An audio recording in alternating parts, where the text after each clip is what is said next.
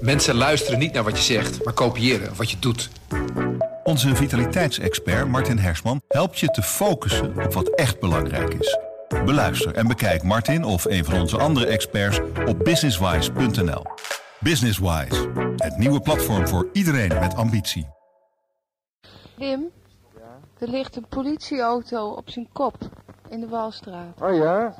Of in de Burgstraat, dat weten we eigenlijk niet. Maar in ieder geval ligt er een op zijn kop. Nou, er gaat een ontzettend gejuich op hier Ja. op de Vierterstraat. Laten er maar meerdere volgen. Ja, nou, te gek bericht.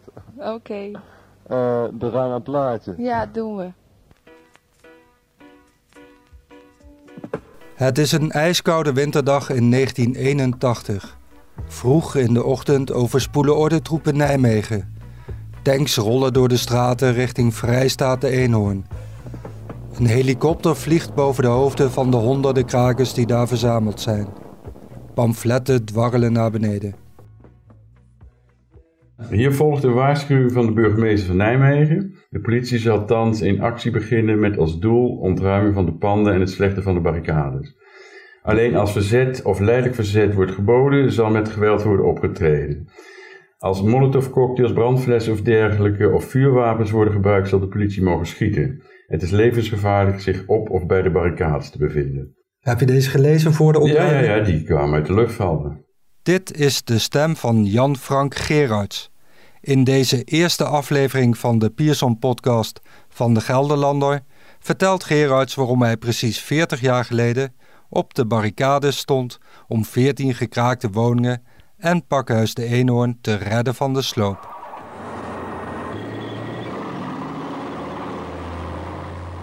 De gemeenteraad van Nijmegen had besloten dat de arbeidershuisjes en het pakhuis moesten wijken voor een parkeergarage.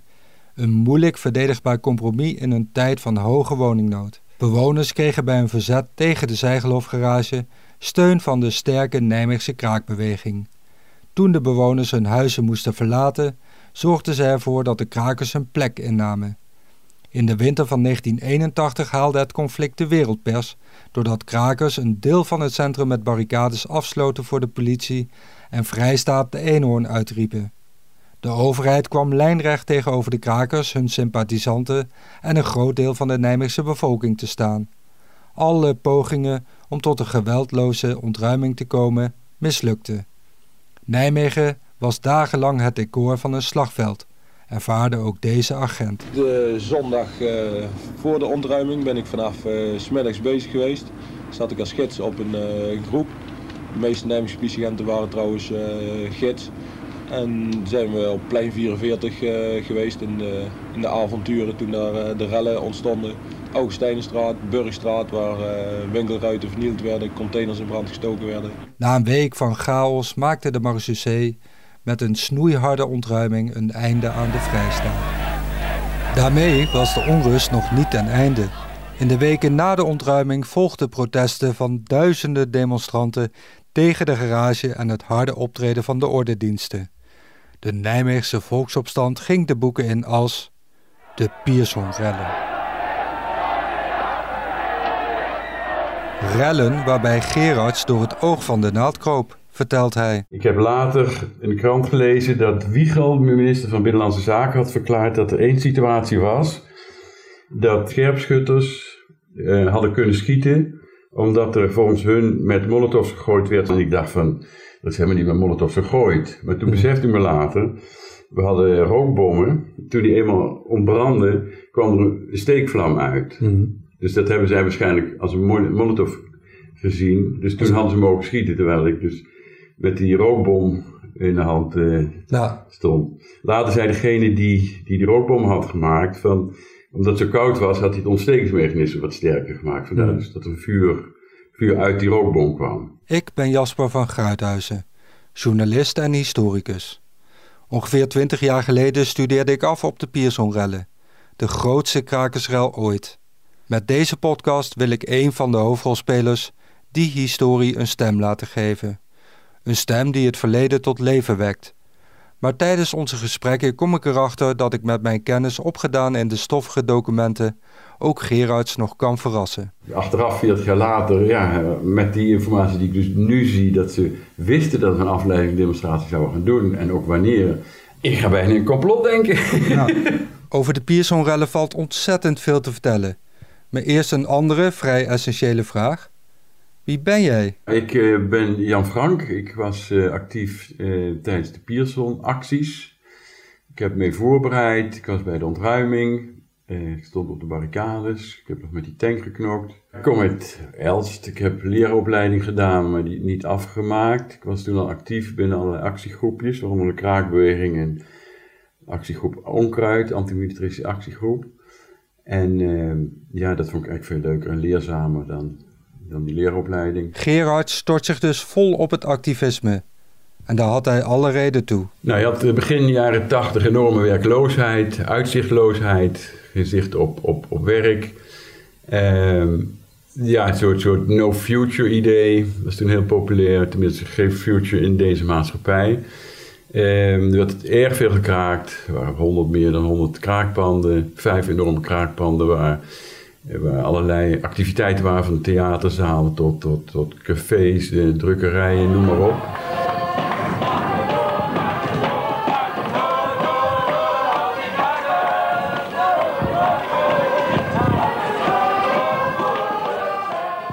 We hielden onszelf bezig. Er was een hele community, een alternatief eigenlijk op die, uh, die maatschappij die er voor ons eigenlijk uitzichtloos uitzag. Dus uiteindelijk uh, ja, was dat mijn, is dat mijn carrière geweest, kraakbeweging. Met een grote groep mensen, vooral chaoten, eh, grote plannen hebben, geen kennis, geen ervaring, geen geld. En dan toch iets organiseren. Dus dat is een hele goede opleiding voor me geweest om eh, dat werk te doen wat ik later ben gaan doen. Waar Gerards die kennis uit chaos voor gaat gebruiken, vertellen we straks.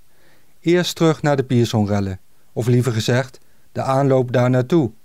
In een verhardend klimaat zijn actievoerders steeds vaker bereid geweld te gebruiken. Ook bij Gerards gaat de knop om. Als je jarenlang geweldloos uh, voor, iets, voor mensen opkomt of, of uh, ja, protesteert en je ziet hoe politie daar op geweldloze inslaat en hoe, daar, uh, ja, hoe je daar onder druk gezet wordt. Ik bedoel, die spanning. Oh ja, op een gegeven moment gaat de knopje om. Dan denk je, fuck it, ik, ik ga me verzetten, ik sta ergens voor ik sta voor mijn pand, dat verdedig ik. Dus het is niet, we vallen de politie aan, even verdedigen het pand.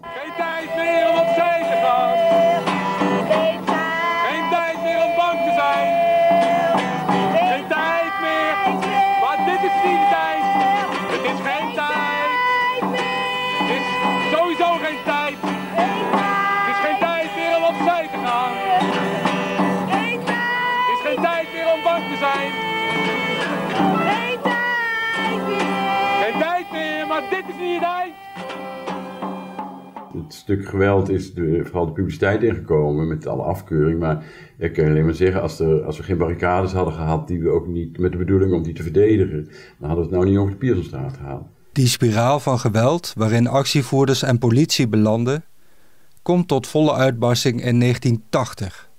Het ruiljaar. Gerards is het daar niet mee eens, vertelt hij zo. Maar de Piersonrellen worden gezien als het sluitstuk van dat jaar vol geweldsexplosies. Daar komt de mobiele eenheid weer langs en weer vliegen de stenen keihard tegen de politieauto's aan.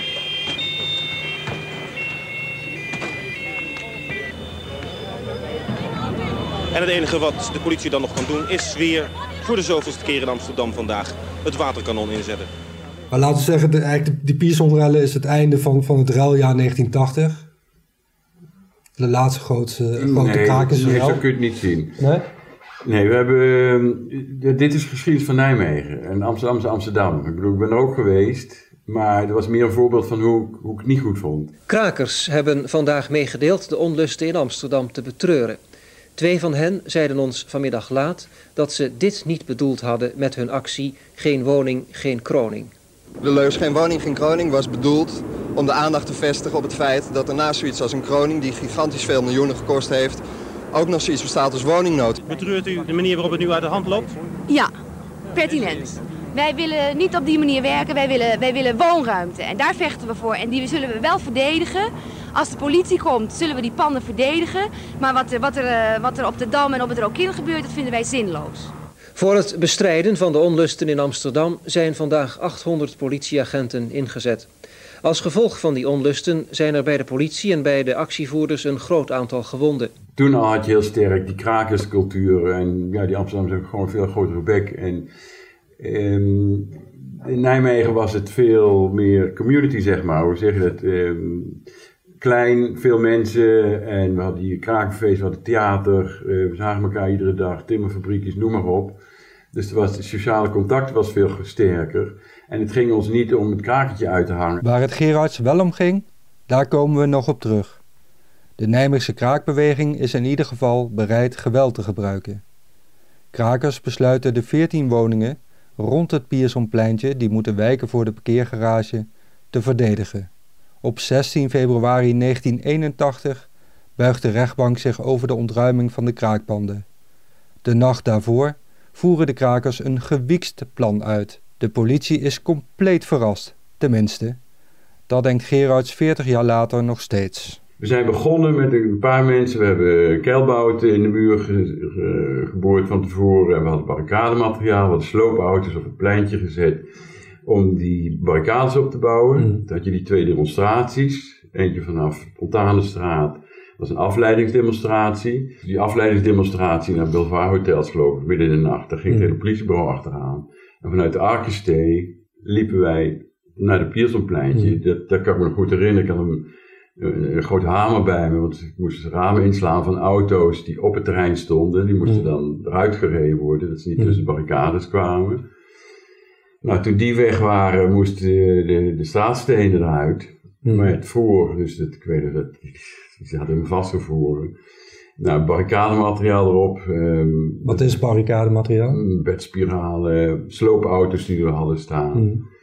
En toen kwam op een gegeven moment... Dat waren ook die auto's die, waarvoor je de ramen moest slaan? Die, nee, nee, die, dat, dat waren auto's... We hadden de buurt al gewaarschuwd, zorg dat er geen auto's op het pleintje staan. Maar er waren mensen die hadden de auto's daar geparkeerd, die natuurlijk van niks wisten. En die moesten van het terrein af. Ja. Kost een huidje dan, maar... Ja. Dus op een gegeven moment kwam die demonstratie die dus naar Belvaar ging, die kwam er ook bij. En toen werden barricades opgebouwd.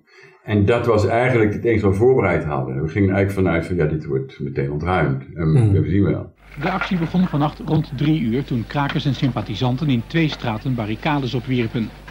Een ervan is de Piersonstraat, waar de gemeente een parkeergarage wil bouwen. Dachten jullie van nee, de politie, eh, we verrassen de politie nu? Ja, nou dat is ook gelukt. Ja, Dat konden we niet doen, ik bedoel... Wil je, wil je iets lezen dan? Want dat vind ik wel grappig. Verslag van die agent op de fiets? Of? Nee,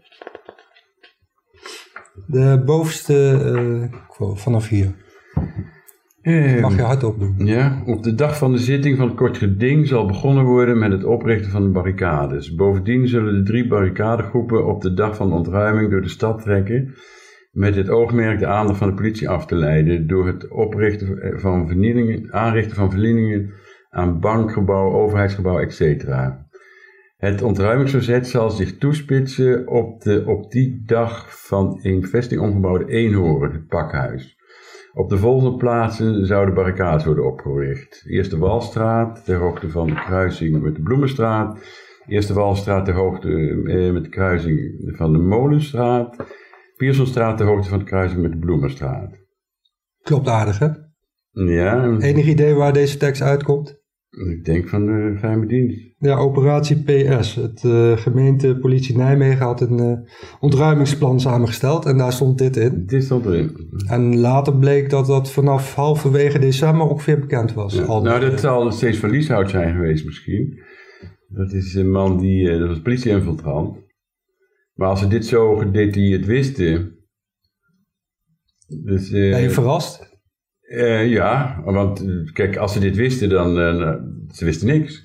Of ze hebben het laten gebeuren. Maar ja, dan krijgen we dus een conspiracy deze. Oké, ik voel hier even de behoefte om te duiden.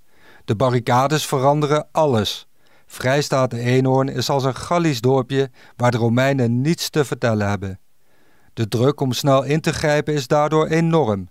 En een relatief simpele ontruiming loopt uit op een militaire operatie. En daarbij is ons gebleken dat de normale situaties niet toepasbaar waren omdat de reguliere politie in Nederland niet voldoende mensen kon opbrengen om deze zwaar te taxeren ontruiming te verrichten. Reden waarom wij een beroep hebben gedaan op uh, de Koninklijke Marechaussee. Groot, zwaar materiaal zoals bulldozertanks en duizenden manschappen zijn nodig. En de politie wist precies wat de krakers van plan waren en wanneer. Wat is daar fout gegaan? Ja, ik, ik, ik vind het heel bizar. Ja, ja. ja. Ik bedoel, als die, die informatie bekend was en het is dus zo gelopen zoals zij verwacht hadden en ze hebben niet ingegrepen en deze gigantische toestand is daardoor uh, plaatsgevonden, mm. Dan, dan is er binnen het politieapparaat moeten ze toch ergens uh, Achter de een enorme fout hebben gemaakt. Ja. Dus ik vind het heel bizar. Ja, drie barricaden, een beetje gaaf verhaal natuurlijk, maar één groep was er. Ja, Banken hebben niet aangevallen, dus overheidsgebouwen. Dus dit is informatie dat ze gekregen van iemand die iets gehoord heeft. En de mensen die hier bijvoorbeeld spontaan zaten, wisten niet dat wij op de dat het actie een andere groep was. Mm. Er was dus van hieruit uh, vertrok de afleidingsmanoeuvre? Ja, zij wisten niet dat wij daar zaten. Dat wij de barricade zouden opzetten. Dat wisten ze, de krakers wisten dat niet? hier niet. Nee. Wij geworden gezegd. Ja. Ik weet, het begon niet meer hoeveel mensen, de hele zaal zat vol. En dat werd er niet bij gezegd. Ja. Tenminste, misschien op dat moment wel, toen ze er eenmaal waren. Mm. Ja, toen had je nog geen mobieltjes en zo. Dus deze informatie is waar, dus ze hebben er niets mee gedaan.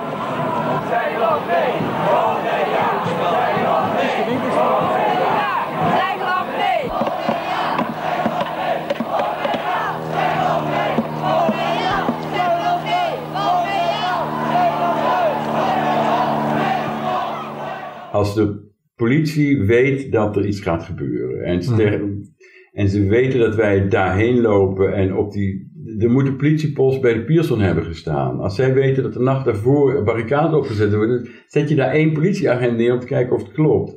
En als je dan een groep van 100, 200 mensen ziet aankomen lopen, dan is er alarm. Hmm. En als zij weten van als we nu niet meteen ingrijpen, staan de barricades en we moeten met tanks komen, dan grijpen ze nu in. Dan zorgen ze ervoor dat de speciale eenheid van de GPO uit Arnhem komt, die ons wel eens eventjes weg zou mappen. Ik bedoel, Ja. als ik bij de politie zat, nou dan had ik dit kunnen voorkomen.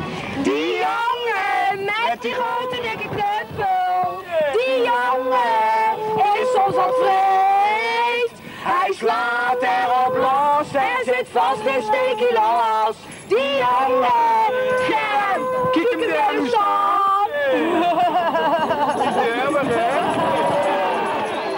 De Nijmeegse politiecommandant die gaat naar Amsterdam voordat de barricades er zijn om de ontruiming voor te bereiden. En die overlegt daar met de Amsterdamse gemeentepolitie die wat meer ervaring hebben met het ontruimen van kraakpanden. En hij komt terug met de boodschap, nou het wordt een vrij eenvoudige operatie. Dan zijn die barricades er in één keer en dan loopt het compleet uit de hand. Nou, waarschijnlijk ehm, ja, eh, heeft de Amsterdamse politie ehm, ja, gewoon gedacht, ach, daar in de provincie er zal niks gebeuren. Die zijn net zo arrogant als de Amsterdamse krakers eigenlijk altijd geweest zijn.